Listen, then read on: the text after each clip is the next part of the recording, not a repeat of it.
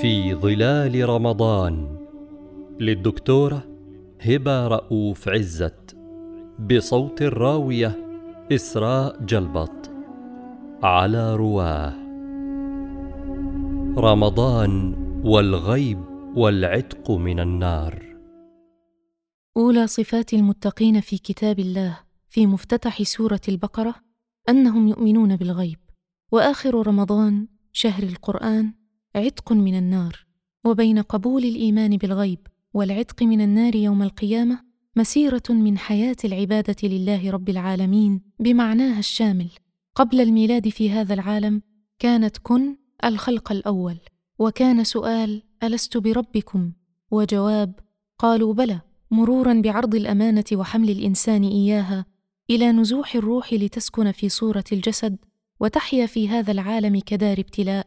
وتؤدي الخلافة في الأرض من كدح وسير وقوامة وشهادة وإقامة الصلاة وإنفاق من رزق الله واتباع ما أنزل الله على رسوله صلى الله عليه وسلم وإيمان بما أنزل من قبله من شعائر وشرائع وجهاد في ترويض النفس وسعي إلى اتباع الهدى وتجدد لليقين بالآخرة علما وحقا إلى أن يحمل الموت ثم الحشر تلك النفس إلى عين اليقين. وقل اعملوا. العتق من النار هو جزاء حياة يختزلها شهر رمضان في ومضات وتختزنها لياليه في نفحات. ذروتها ليلة هي خير من ألف شهر. حساب عمر الإنسان لو مد الله له فيه فجاوز الثمانين. حياة تقوم لو شاء الإنسان على اختيار حر للإيمان بالله الذي لا تدركه الأبصار. فهو غيب وملائكته الذين هم غيب وكتبه التي هي من مصدر الغيب ورسله الذين نصدقهم فيما يخبرون عنه من غيب واليوم الآخر الذي هو غيب والقدر الذي هو غيب. حكمة التشريع قد يدركها العقل حين يجتهد لكن تبقى فيها أبعاد من التعبد بالغيب وهنا التسليم بحدود العقل إدراك لمساحات الغيب. والغيب غيب الزمان أزل وأبد وغيب المكان آن وزمن وغيب الوجود ما غاب من الملك وما غاب من الملكوت. وغيب العوالم والأكوان بل ما غاب عنا منا في أعماق النفس من فطرة التوحيد ونزعة الطين. نعيد اكتشافه ونجلو أدرانه بالعبادة. عنصر الغيب في حياة المؤمن حي وحاضر وله في تفاصيلها تجليات وهو يرسم حدود العقل لكنه يفتح له آفاق الحرية. ولأن الله وحده الأعلم فعلى العقل أن يسعى ويجتهد. ولأن الله وحده هو الأعلى فعلى البدن أن يسعى وينطلق ولأن الله وحده هو الأحكم فعلى البشر أن يتعارفوا ويتعاونوا ويتدافعوا ويختاروا ويتحملوا مسؤولية ذلك كله ويوم القيامة ينبئهم بما كانوا يعملون ويفصل بينهم.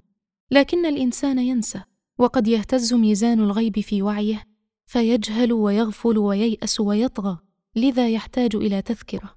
ورمضان من محطات التذكرة التي تمتد شهرا كل عام والحج مثله ولو مرة في العمر وهو فرصة لشحذ الذاكرة الإيمانية للإنسان وترويض الجسد لتشرق الروح وتربية الفرد لتنمو الجماعة وهو موسم للربانية لتسمو البشرية وكسر لعادات الأوقات لنسترد الوعي بالأزمنة الممتدة في ذواتنا وفي مساراتنا وفي مآلاتنا نحو الرجعة.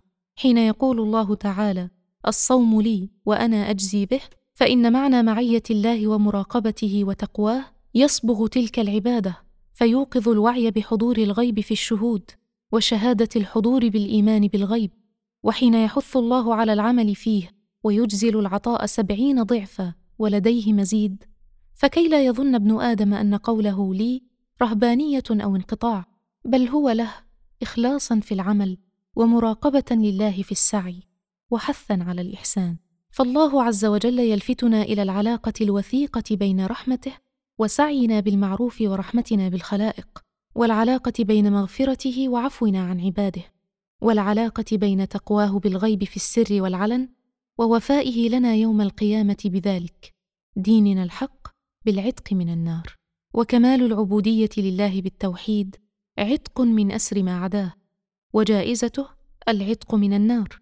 ومن آمن بالغيب منحه الله مفاتيح الشهادة وسخر له أسباب المادة ومكنه من الأسرار الكامنة بين الكاف والنون وآتاه الحكمة وعلمه وفهمه ورزقه نورا يمشي به وبصيره ففاز في الدنيا والآخرة.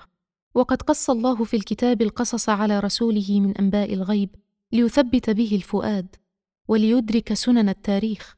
وحدثنا عن عوالم أخرى هي من الغيب الخفي عنا كي لا نطغى ونعلم أننا لسنا وحدنا في هذا الكون. وخشية الله بالغيب هي التي تورث العبد رحمته ومغفرته فتتقاطع حلقات الرحمة والمغفرة والعتق من النار وتورث البشرية عمرانها والحياة الطيبة. ومن آيات الله وفيض منته أنه يمنح العبد مفاتيح التعامل مع الغيب. لا مفاتيح الغيب فتلك وعنده مفاتح الغيب لا يعلمها إلا هو. فلا يظهر على غيبه احدا ومن مفاتيح التعامل مع الغيب الدعاء. وفي الحديث لا يرد القضاء إلا الدعاء. فما أكرم الغفور الرحيم في عطائه وما أقربه ممن دعاه وما ألطفه بعباده. الحمد لله رب العالمين.